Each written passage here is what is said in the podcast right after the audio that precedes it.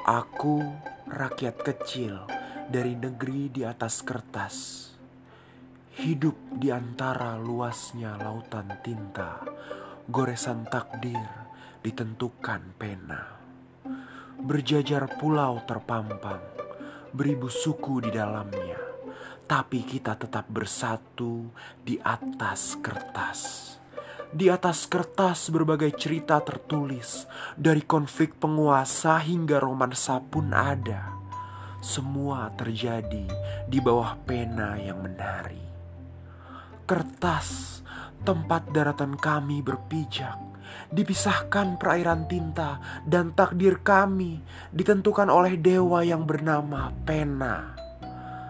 Semua yang tertulis wajib kami yakini sertifikasi jadi tuntunan bagai kitab suci.